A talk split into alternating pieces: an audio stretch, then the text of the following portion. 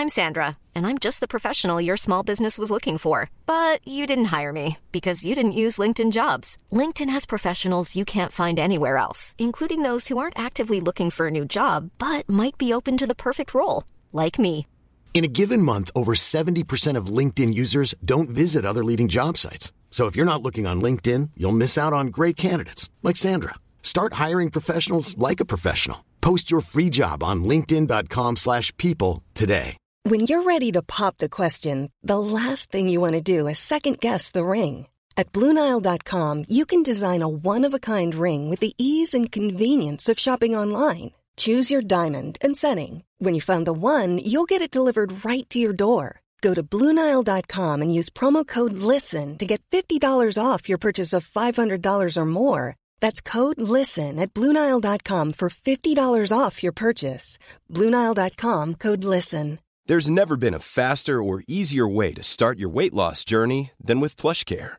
PlushCare accepts most insurance plans and gives you online access to board-certified physicians who can prescribe FDA-approved weight loss medications like Wigovi and Zepbound for those who qualify. Take charge of your health and speak with a board-certified physician about a weight loss plan that's right for you. Get started today at plushcare.com slash weight loss. That's plushcare.com slash weight loss. plushcare.com slash weight loss.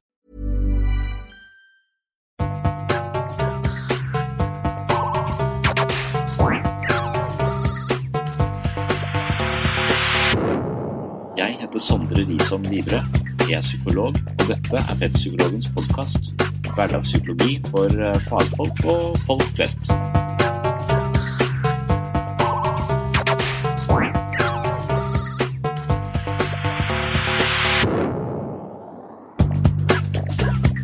Hei og velkommen til episode 20. Dagens tema er skam. I september 2016 ble jeg invitert til å delta i en debatt om skam på protestfestivalen i Kristiansand. Debatten ble ledet av Ruth Helen Gjævert fra VG, og hele debatten ble streamet på VGTV. Ruth Helen har jobbet for VG i fire år. Hun har også en historie som avhopper fra et religiøst samfunn, og hun er opptatt av hvordan lukkede menigheter og sekteriske bevegelser kan påføre folk usikkerhet og en følelse av skam under oppsyn av en streng gud. Jeg synes det var en spennende samtale med mange perspektiver rundt et viktig tema. Jeg ble invitert fordi skam er et sentralt tema i boken jeg har skrevet om selvfølelse. Skam er en følelse som har til hensikt å dempe følelser av mer positiv karakter. Det kan rett og slett fungere som en klam hånd over iver, glede, stolthet og andre positive sinnsstemninger. Hvorfor har vi en følelse som får oss til å krympe sammen? Hvorfor har vi en følelse som bremser de positive følelsene? Mye skam er som å kjøre gjennom livet med håndbrekket på, og det høres vitterlig ikke ut som en god ting. Hele debatten varte i over to timer.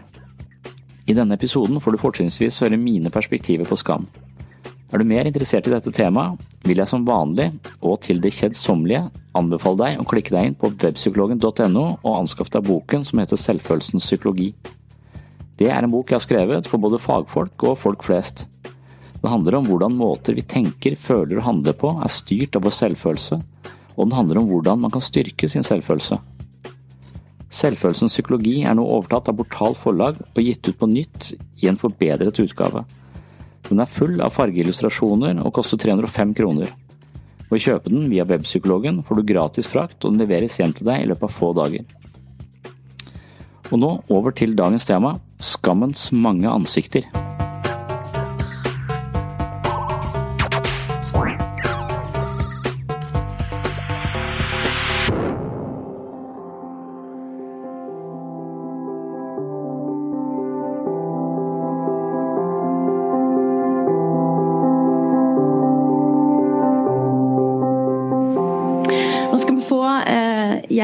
Av eh, eksperten på eh, følelsene, eh, Sondre Risholm Livrød. Eh, du er psykolog, spesialist, driver webpsykologen.no sammen med din kone Janne Risholm Livrød, som også er psykolog. Velkommen. Takk for det. Beklager at du måtte vente så lenge. Ja. Du er òg forfatter av boken 'Selvfølelsen psykologi', som snakker om det at denne selvfølelsen vår er kjerne for det å leve, utvikle seg, vokse, gå videre. Eh, jeg tenker på dette med følelsen skam. Opplevelsen skam. Eh, som Store norske leksikon kaller eh, synke, følelsen av at du vil synke gjennom jorden. Eh, en psykolog på Modum Bad, Gry Stålseth, sier at det er en slags sånn vertikal smerte som bare trykker deg ned. Fysisk, nærmest. Hva, hva, er denne følelsen egentlig? Um, ja, jeg vet ikke om jeg er noen ekspert på følelser, men, men jeg jobber mye med det, i hvert fall til, til, daglig. Hva, uh, jeg, jeg, vil si Innenfor psykologi så er balanse er stikkord i forhold til sånne ting som det. Så det ble sagt at skam er aldri bra på høyresiden. Og så ble det sagt at kanskje vi skulle hatt noe mer skam på andre siden her. og Uh, personlig så, så, var det en kollega som sa til meg at jeg skammer meg for lite. Uh, og det er nok det har jeg tenkt litt på, og det er jeg kanskje enig i uh, innimellom. For på skam kan jo være en uh, Jeg skammer meg når jeg på en måte har Når egoet mitt har blitt for stort, uh, så er det på en måte å jekke meg litt ned. da.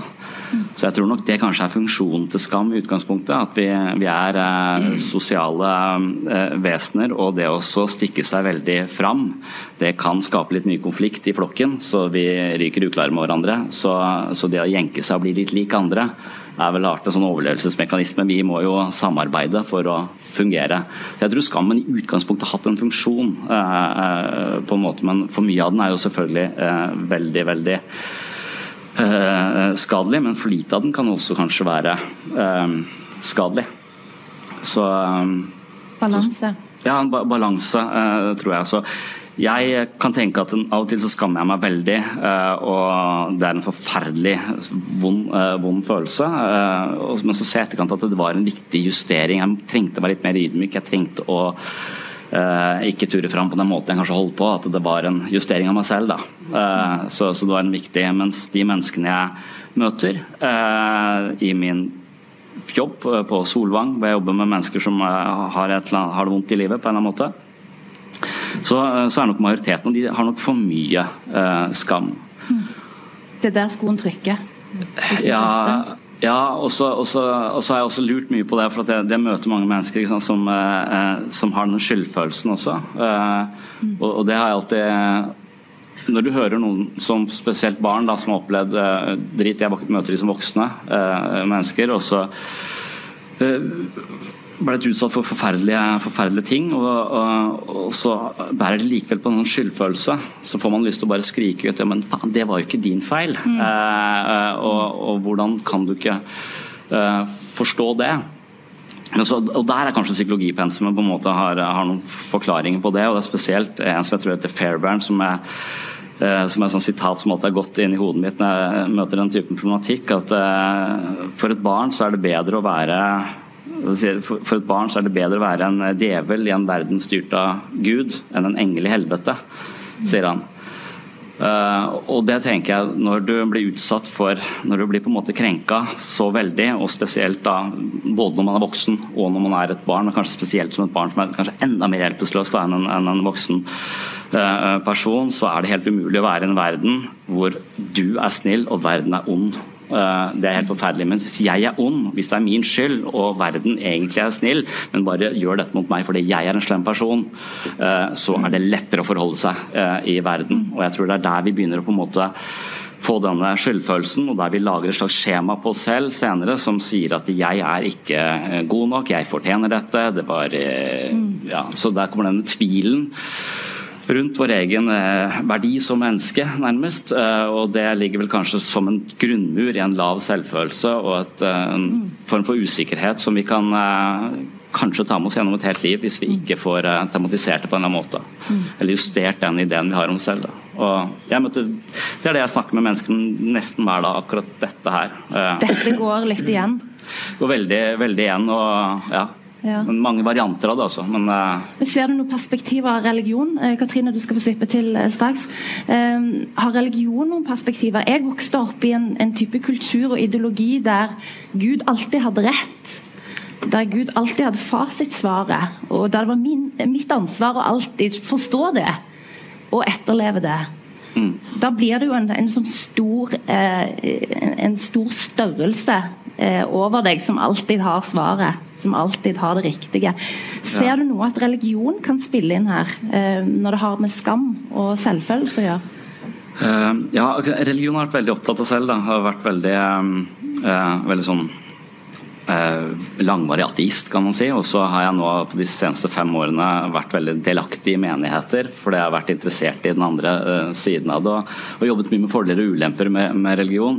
Så, så, jeg vil si at her er det begge deler. Altså, du kan få en som kommer inn og har uh, gud som den mest fundamentale støttespilleren i sitt liv, og gjør at jeg virkelig har en balanse inni meg. Og så er det noen som har en mer dømmende uh, figur som på en måte understøtter kanskje skammen eller, eller den lave selvfølelsen. Mm. Så Det tror jeg er veldig individuelt, så det er litt vanskelig å si det sånn. Men, men, men når, du, når, jeg tenker, når jeg har skrevet denne boken 'Selvfølelsespsykologi', så har jeg ikke vært så opptatt av den spesifikke tingen i religion, men jeg har bare lagt merke til at alle de store visdomstradisjonene Uh, enten det er kristendom eller jødedom eller islam eller hva det skal være, har en eller annen idé om at vi er grunnleggende verdifulle fordi vi er mennesker. Uh, og det skjønner jo ikke folk. Uh, så folk tror de må være noe mer enn det. Og det er nok også det største problemet til folk, at vi tror ikke at det å være menneske er godt nok. Vi er nødt til å være uh, en eller annen karriere, ha en eller annen utseende, ha alle disse staffasjene vi holder på med for å være gode nok. Det er som om vi alle går rundt med et ego-underskudd som trenger noe en eller annen applaus eller en eller annen storhet fra oppmerksomhet fra andre for å føle oss hele. Og Det sliter vi spesielt med som ungdommer. Vi hviler kanskje litt mer når vi blir eldre, men dette er som du nevner, noe vi ofte holder på med hele livet. da. Mm. Og glemmer det disse tusen år gamle tradisjonene har fortalt oss. Du er verdifull for den du er. Det er Din væren i seg selv. Ja, da, ja, og da tenker jeg vi trenger kanskje ikke religion, men det å kaste religion ut med badevannet, sånn som vi gjør i Skandinavia, uh, på en måte. Uh, vi kommer blir kanskje litt åndelig fattige, på en eller annen, selv om jeg ikke er noen forkjemper for noe spesielt religiøst system. Men, eh, men, jeg kan kanskje registrere en slags åndelig fattigdom hos noen. Ikke så mye her på Sørlandet, eh, men mer, eh, men mer i Tønsberg, hvor jeg kommer fra. mm. mm. Det er interessant dette med, med de bildene vi har eh, av disse størrelsene i livet vårt. Enten de er ytre eller indre, enten de er oss selv eller en gud eller andre mennesker. ikke sant? Og hvor mm. vi plasserer oss i forhold til hverandre. Mm. Katrine? Ja, siden jeg sitter her på denne høyrefløyen som representerer de som tenker, eller som har lest seg til og erfart seg, meg til, at skam er en hemmende følelse. Mm. At Nei, vi trenger ikke mer skam. Ikke for å redusere egoet vårt. Skam er altså Igjen hviler jeg på forskningen til Brené Brown. At skam er mye Det er mye større sannsynlighet for at skamfølelsen ligger til grunn for barskheten og overgrepene og volden og rusmisbruken og selvskadingen og, og, og, og altså dårlig oppførsel og, og, og, ego, og høyt ego, at skamfølelsen ligger under der. Og så tenker jeg, For å jekke ned det egoet, så, så er det jo mye, mye mer eh, virkningsfullt å å omfavne sårbarheten. fordi at det å erkjenne sårbarheten som en del av den menneskelige opplevelsen og den menneskelige erfaringen. Og faktisk, altså Da begynner vi å snakke litt om det, det åndelige fellesskapet. fordi i sårbarheten, der fins jo rike vennskap. Der fins utviklingen. Der er det mulig å endre seg. Sånn at sårbarhet og erkjennelsen av sårbarhet er en opplever jeg som en mye større og rikere korreksjon enn eh, skam. Når det gjelder å holde i hvert fall mitt eh, ego nede, så er sårbarhet helt suverent. Uh, anbefales. For de med store egoer. Men det er jo forferdelig risikabelt òg, da. Sårbarhet. Ja, og da er vi tilbake til det er mye bedre å være enn hva var det for noe, en, en djevel blant uh, i himmelen enn en uh, engel i helvete. Og så tenker jeg Men altså, hvis vi blir mange nok engler i helvete, så endrer vi jo dette samfunnet, og det er det vi er her for, er vi ikke det? Så det er mye modigere å være en engel i helvete, vil jeg si. Uh, og det å, å, leve modig, det har vi lyst til alle sammen. Vi har lyst til å være egentlig heltene, eller i hvert fall hele mennesker i vårt eget liv.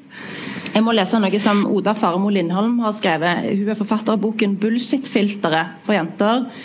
Eh, og Hun sier i et intervju med Oslo Fotokunstskole at resultatet av å se så mye medieinnhold laget for voksne eh, som, som, unge i dag gjør, er at svært mange unge begynner å stille veldig voksne krav til seg sjøl når det kommer til ting som kropp, utdanning og seksualitet. Og de opplever som konsekvens av det lav mestringsfølelse. Stemmer dette? Kommer dette prestasjonskravet på toppen nå av eh, det at du skal lære å kjenne deg sjøl, og så skal du lære å finne ut av hvem er jeg? Um, Sondre, har du lyst til å si noe om dette her med, som vi hører om generasjon prestasjon? På den ene siden hører vi om, om masse eh, deling av bilder og, og eh, alvorlige ting knytta til det som, som eh, eh som, som eh, er et press for å bli inkludert. Eh, og kle av seg og være med på ting som, eh, som man ikke vil. på den andre siden så hører vi om en ungdomskultur som er veldig ordentlige, som føler veldig på en forventning til å være perfekte, til å prestere. de menneskene du møter, hva er det hvordan, hvordan, hvordan opplever de dette her? Altså prestasjonskravet? Ja, nå er det jo voksne jeg uh, fortrinnsvis møter, da. Uh, men, ja. uh, men en, en, god del har denne perfeksjonen ved seg. Og innenfor psykiatri eller psykisk helse, så, så, tenker man litt at de, de, menneskene som hviler mye av sin egenverdi i prestasjoner, skal man være litt ekstra obs på. For at noen av dem det er vel som de har planta sin egen verdi som menneske i eh, hvordan de ser ut, hvordan de presterer, eller utenforliggende faktorer, som på en måte er et veldig sårbart prosjekt, da, men som du legger veldig opp til eh, i, i, vår, eh, i, vår, tid, kanskje. Og, og, og de som eh, hele tiden har disse høythengende standardene eh, for seg selv, de vil, eh, de vil, kun De vil ofte ha veldig høye standarder, og når de lever opp til de, så vil de ikke føle den gleden de hadde håpet på når de når dit. da. Så de vil bare legge lista litt høyere, og, og sånn blir livet en slags tredemølle som de ikke kommer av. Så selvmordet er, er Det er litt obs på selvmord uh, i denne typen uh, problematikk. Uh, når man hviler sin egen identitet eller verdi som menneske i hva man presterer eller man, hva man ser ut osv. Så, så igjen så har man gått glipp av disse visdomstradisjonene som forteller noe annet. Mm. men de tar litt lengre tid å sette seg inn i enn å sette seg inn i bloggen til en eller annen perfekt mm. person. Uh, som er litt mer tilgjengelig òg. Mm. Uh, Monica Kørra, hvordan du er idrettsutøver og jobber med coaching, studerer coaching også. Stemmer. Ja. Hva tenker du om dette med generasjon, prestasjon og det å pushe seg og, og hele veien oppnå mål ja. i en kultur som ja. er, er, sånn som vi har i dag? Ja, nei, jeg tror, det, jeg tror det gjør det veldig vanskelig å være ung i dag. Vi lever i et fasadesamfunn hvor alt uh, ser så perfekt ut. Og jeg tror sosiale medier er uh, den store drivkraften bak det. Um, vi som voksne forstår kanskje at alle bildene vi ser på Instagram, det er jo ikke det som er det virkelige livet. Der legger vi bare ut bilder av, det som er perfekt. Men å forstå det som ungdom, når du fortsatt kanskje er på leting etter din egen identitet, finne ut hva du står for, hvem du er, så tror jeg det er veldig lett å bli lurt av det her. Mm. Så jeg tror det er noe vi bør være obs på og bør snakke med ungdom om. At uh, det man ser, det er, det er ikke sånn uh, mennesker har det. Mm. Um, Men kjenner du på dette når du er, når du er idrettsutøver og, og, du skal prestere og, og og du, ja, i tillegg ja. så har du Instagram og Facebook og, og, og litt av hvert. Ja, Hvordan klarer du å sortere? Mm, nei, det, det, skal jeg være ærlig om. Og i min uh, prosess med å finne meg tilbake til et normalt liv etter traumatisk traumatiske opplevelsen jeg opplevde, så, så, var nok akkurat det å finne ut av at den sårbarheten var en styrke. Yes. Det, var en, det, var en, kamp for meg. For uh, ja, oppvokst som en idrettsutøver, så er liksom det å være sterk og kjempe seg gjennom smerte, og det er liksom alltid det jeg har stått for. Og det å da greie å åpne meg opp og si ut til andre mennesker at eh, nå trenger jeg hjelp. Men å forstå det at eh, jeg kommer til å være så mye sterkere hvis jeg fikk hjelp av andre. Vi er alltid mye sterkere sammen enn det vi er alene. Så det å forstå det, at den sårbarheten, det førte til styrke, det var en, en nøkkel for meg. Så det har jeg lært veldig mye gjennom da, den prosessen. Og jeg, det er noe jeg òg nå forstår som idrettsutøver, at jeg trenger ikke alltid å være sterk og greie alt alene, sånn som jeg tenkte før. Mm. Mm. Og, ja, ja, et, et, litt det samme, eller kanskje litt på sida, jeg vet ikke. Men, men det, der, det, står jo på den banneren her i stad 'frihet til å velge'.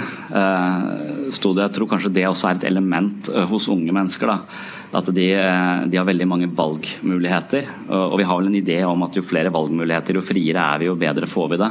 Men der er det også noe forskning som viser det motsatte. på en måte, At, uh, at det å ha veldig mange valg, og særlig når man er ung og egentlig ikke har den ballasten man trenger kanskje for å tale disse livspolitiske beslutningene, eh, det skaper kanskje mer angst eller en sånn uh, tvil på seg selv, og også kanskje en sånn type skyldfølelse eller skamfølelse hvor du har hatt ekstremt mange valgmuligheter, velge hele livet ditt du skal bli osv.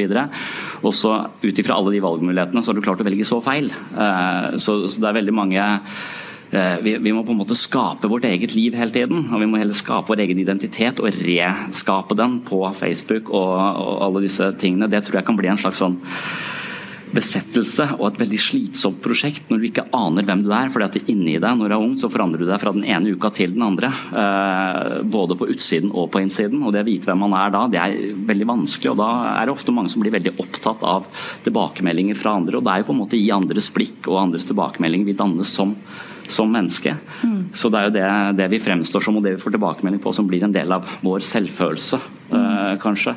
Og nå er vi liksom prisgitt vi, vi, må velge alt dette selv. Vi, det er uh, færre um, og da, Der kan man si at det, det, det, er en, det, er mange fordeler med å ha mange valgmuligheter, men det er også en del, eh, en del en, kanskje en tung byrde å bære for, for en del unge mennesker i dag. Da tror jeg vi åpner for eh, litt spørsmål. Vi er nok litt på overtid, eh, men vi holder ut litt til, håper jeg. Millions of people have lost weight with personalized plans from Noom. Like Evan, who can't stand salads and still lost 50 pounds. Salads generally for most people are the easy button, right? For me, that wasn't an option. I never really was a salad guy. That's just not who I am. But Noom worked for me. Get your personalized plan today at noom.com. Real noom user compensated to provide their story. In four weeks, the typical noom user can expect to lose one to two pounds per week. Individual results may vary.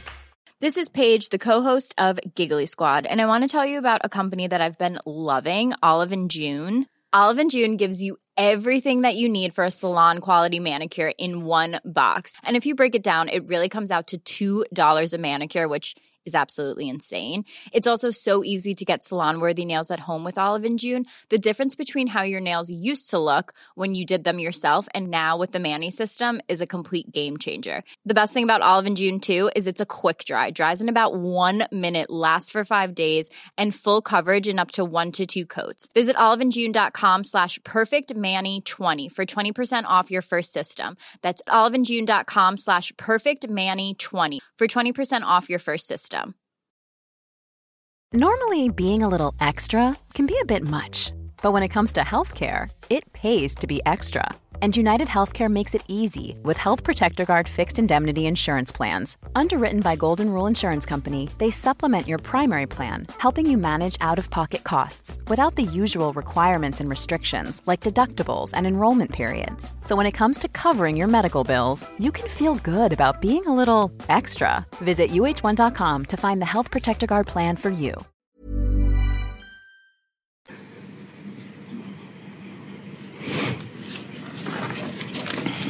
Tusen takk for veldig mange spennende innlegg. Jeg har et uh, spørsmål til psykologen. Uh, for jeg ble litt provosert, uh, kanskje i likhet med Er det Katrine du heter? og når det gjelder dette med at skammen kan være positiv. Men her kan vi snakke litt forbi hverandre, for det spørs hva definerer vi som skam. Og denne forskningstradisjonen TOSCA, Test of Self-Conscious Affections, som har pågått i mange år, de definerer skam som en del av omdømmetenkningen. Det vil si at de ser meg selv med den andres øyne, med redsel for at de skal se noe negativt. Det er skammen. Og den er egentlig grunnleggende egosentrert. Mens eh, empatien, den ser, da ser jeg mine handlinger mot den andre med den andre sine øyne, med ønske om at den skal være godt, god for den andre. Og Hvis den da ikke er god for den andre, og jeg ser at jeg har gjort noe vondt mot den andre, så får hun skyldfølelse. Og det er Noen skyldfølelse er veldig negativt, for den er ikke reell. Men den er, den er ikke fortjent. Men noen ganger så er det sunt med en skyldfølelse som er empatimotivert. Men da blir den type skyldfølelsen en motsetning til skamfølelsen. Og da tenker jeg den type skyldfølelsen Det er kanskje noe av Veronica som du sier, som du etterlyser. Den type skyldfølelsen trenger vi en del ganger. Og som kanskje skulle være mer i det kriminelle miljøet. Mens skamfølelsen, der er jeg enig med deg, den tror jeg utelukkende er negativ. Det vi trenger, det er noen ganger skyldfølelse, men ikke skamfølelse. Eh, bare en undersøkelse fra USA for noen år tilbake, hvor de ut fra dette Tosca-programmet hadde utvikla et program for pedofile voldtektsforbrytere. Og de har jo veldig ofte en ekkel tilbakefallsprosent. Og de hadde gjennomført et program hvor poenget var å ta bort deres skam. Det vil si dere selv får tenke at jeg er skapt som pedofil og jeg kan ikke sånn og sånn. Og så få, få de til å se offerets smerte få de å ta bort skammen og sette inn skyldfølelse. Og ti år etterpå at de hadde kommet ut, så var det bare 3% som hadde, hadde, hadde gjort noe som de ble dømt for. Det er en utrolig bra prosent. Og det tenker på her at det å krige mot skammen tror jeg er positivt. Og så heller ha en konstruktiv skyld. Hva er din kommentar på det? Ja. Jo, det tror jeg er veldig enig i. altså. Så det kan godt være jeg definerer eh, eller snakker om skam litt på feil måte. På feil måte. Men, altså, men det som har blitt sagt der, så tenker jeg, jeg tenker på min egen hverdag. da, altså De menneskene vi Eller de menneskene som går ut fra oss og har det bedre med seg selv, eh, de har nok helt klart mye mindre mindre skam. Og så har de en opplevelse at det var greit å være dem uten alle paradene. Eh, og jeg tror nok at de tingene som vi måten vi er på og måten vi eh, fremstår på, er noe som vi har med oss fra gjennom livet og alle de erfaringene vi har. altså Noe som skal på en måte i utgangspunktet kanskje beskytte oss, eh, men som siden, siden kanskje blir et sånt skjold som vi gjemmer oss bak, eller noe vi ikke Vi klarer ikke å være eh, oss selv fullt og helt da, på, på grunn av mange følelser at vi ikke er gode nok. Så det er nok ego i underskudd på en måte som hele tiden opererer mellom mennesker. Et ego i underskudd som prøver å skjule dette, denne følelsen av underskuddet ved å være noe annet enn det det, det det, er. Så hvis vi klarer å sette som Jeg jobber bare i gruppeterapi, og i den grad noen får det bedre der, så er det fordi at de opplever at det å slippe alle disse mekanismene, all dette, all dette forsvaret, all denne skammen, kan man si, da, eh, og bare være seg selv og si at da blir de på en måte, da får de respekt, de blir likt. Uansett, bare det å være seg selv og være åpen, så blir de likt. Og erfaringen man etter hvert gjør seg også da, hvis man er det selv mot andre, så hjelper man andre til å, dempe sine parader og sitt sosiale spill da, som ligger, eh, ligger eh, mellom oss.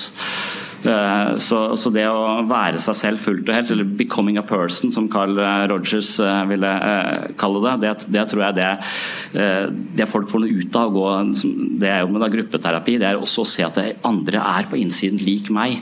Og jeg tror at Jo mer trygg vi blir i vårt eget ego, jo mindre trenger det fra omgivelsene for å føle seg hel. og Da tror jeg empatien kommer inn. og Da tror jeg at det, å være i balanse selv, det gir oss overskudd til å virkelig leve oss inn i andre, andre mennesker. Men jeg tror langt de fleste går rundt med et ego-underskudd og prøver å være noe litt ekstra. Uh, og, det tror jeg blir veldig slitsomt. Og, og, og da kan man jo f.eks. ta kokain for å bli litt ekstra.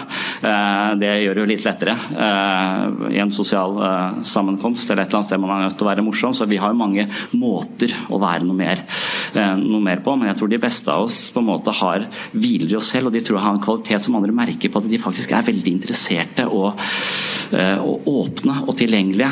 og de tror jeg enig med dere at de skammer seg nok veldig lite, men de har en genuin empati eh, ved seg. Så jeg tror eh, veldig enig i det du sier. Eh, ja.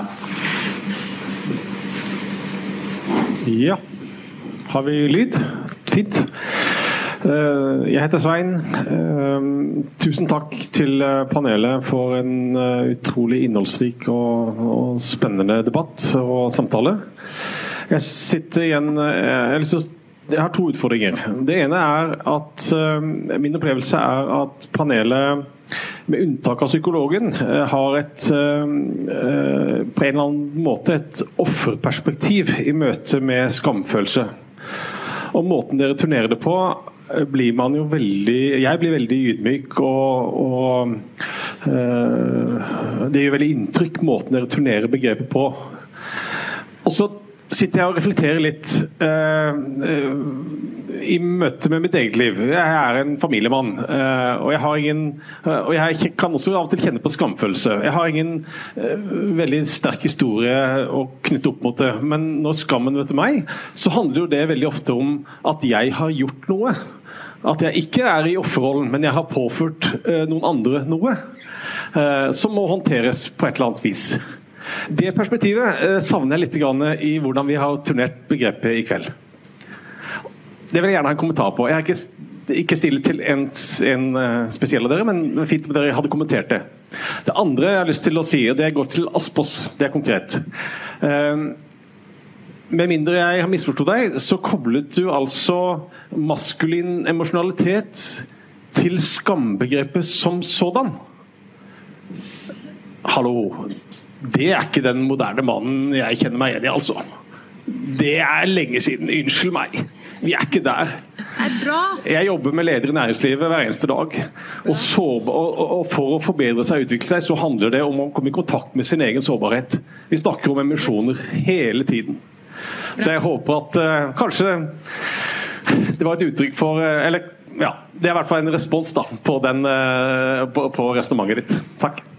Kan jeg, kan jeg svare på det første? Ja, ja det, jeg, jeg vil gjerne svare på det første. Uh, eller, eller, si noe om det. for jeg, jeg, har selv gått i gruppeterapi i mange omganger i livet mitt. Eh, og da har jeg sittet som hva skal kalle pasient eller bruker eller hva det er, en del av utdannelse osv. og så. Og, og jeg satt bl.a. i en, en, gruppe med bare leger og psykologer i, i, Oslo over en lengre tid, i en gruppeterapiting. Det, det jeg først og fremst prøvde på, var å bli likt av de andre. Men det er jeg sånn rimelig god til, så det får jeg til hvis jeg, hvis jeg prøver. Eh, men jeg lærer ikke noe nytt om meg selv da. Eh, så jeg tenkte at jeg på en måte måtte slippe litt denne sosiale meg og prøve å være litt mer uh, rett fram for å Eh, for å få mer oppriktige tilbakemelding på hvem jeg er, hvordan jeg oppleves av andre, hvordan faller jeg ned i andres eh, hode. Og når jeg prøvde på det, så sa de andre i denne gruppa at eh, du er forferdelig arrogant, sa de. Og da tenkte jeg er det mulig å samle så mange fagfolk på ett sted som tar så feil? og, og, men jeg husker jo i det øyeblikket så, så, stritter egoet mitt imot. Det sier nei, arrogant, det kan du være sjøl. Din dust. har jo det, også I det jeg har på en måte nesten formulert den setningen og er i ferd med å si den, så skjønner jeg at det er veldig arrogant å si det. uh, og det er jo i det øyeblikket der jeg tenker at uh, jeg har følt en voldsom skam, og at jeg har blitt oppmerksom på sider ved meg selv eh, som ikke er spesielt attraktive, og som jeg bør ta ansvar for. Og hvis jeg ser det, hvis jeg tar ansvar for det, så kan jeg kanskje dempe. Jeg vil ikke si at jeg ikke er arrogant nå, men jeg er litt mindre arrogant enn det jeg var før i hvert fall. Så, så, jeg er enig med deg at min skam dukker også opp med ting jeg gjør, eh, og måter jeg er på, som, eh, som jeg med fordel kunne endra på, for det er mindre attraktive sider ved meg selv. Og det å orke å se på de sidene, det syns jeg også er eh, noe av det tungeste med det å utvikle seg, sjøl, da. Så jeg, jeg, kjenner meg igjen i deg, i hvert fall. Kan jeg snakke om huleboerperspektivet? Um, og jeg gjentok forskningen som, uh, som viser skamtriggere hos kvinner og menn. Det betyr ikke at alle kvinner er skamfulle for kroppen sin, og alle menn har trigger på, på, det å være svak i en eller annen forstand. Og ingenting gjør meg gladere enn å høre at det er ikke sånn lenger. Det, jeg, jeg, håper da inderlig at den eh, forskningen er passé, og at uh, vi sitter og, og, gråter sammen, alle mennesker, rundt uh, jeg holdt på å si spritflaskene. Det var det dere gjorde. Det håper jeg jo ikke at vi gjør. Men, men altså at, at vi innser at tårer er er egentlig ikke noe farligere enn at det er kjærlighet som kommer ut av øynene. Om det er kvinnetårer eller mannstårer, eller at det er en del av, av, av, det menneskelige livet. Så jeg er veldig glad for at du korrigerer, og jeg er utrolig glad for å ha tatt feil, og at forskningen er uh, passé. Og at vi uh, omfavner uh, at vi er emosjonelle mennesker, alle sammen. Det er utrolig viktig. Så jeg er glad for at, at dere har det sånn her nede i Kristiansand. ja, men, og, altså, forhåpentligvis alle andre steder også. Da skal vi gå inn for landing. Eh, vi skal avslutte med et siste musikkstykke av Kirsten Daugård og Bengt Vagle. Før det, tusen takk hver en av dere for at dere har eh, delt av kompetanse, av erfaring og av deres sårbarhet.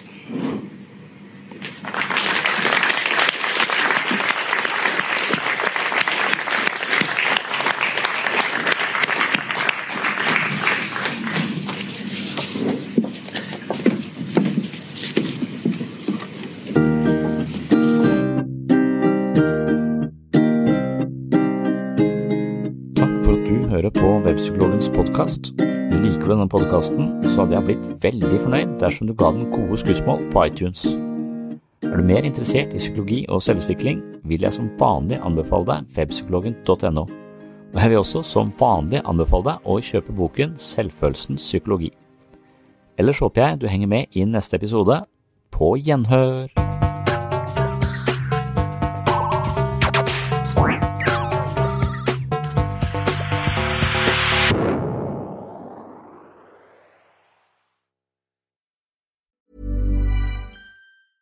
A lot can happen in three years, like a chatbot may be your new best friend. But what won't change? Needing health insurance. United Healthcare Tri Term Medical Plans, underwritten by Golden Rule Insurance Company, offer flexible, budget friendly coverage that lasts nearly three years in some states. Learn more at uh1.com. Hey, it's Danny Pellegrino from Everything Iconic.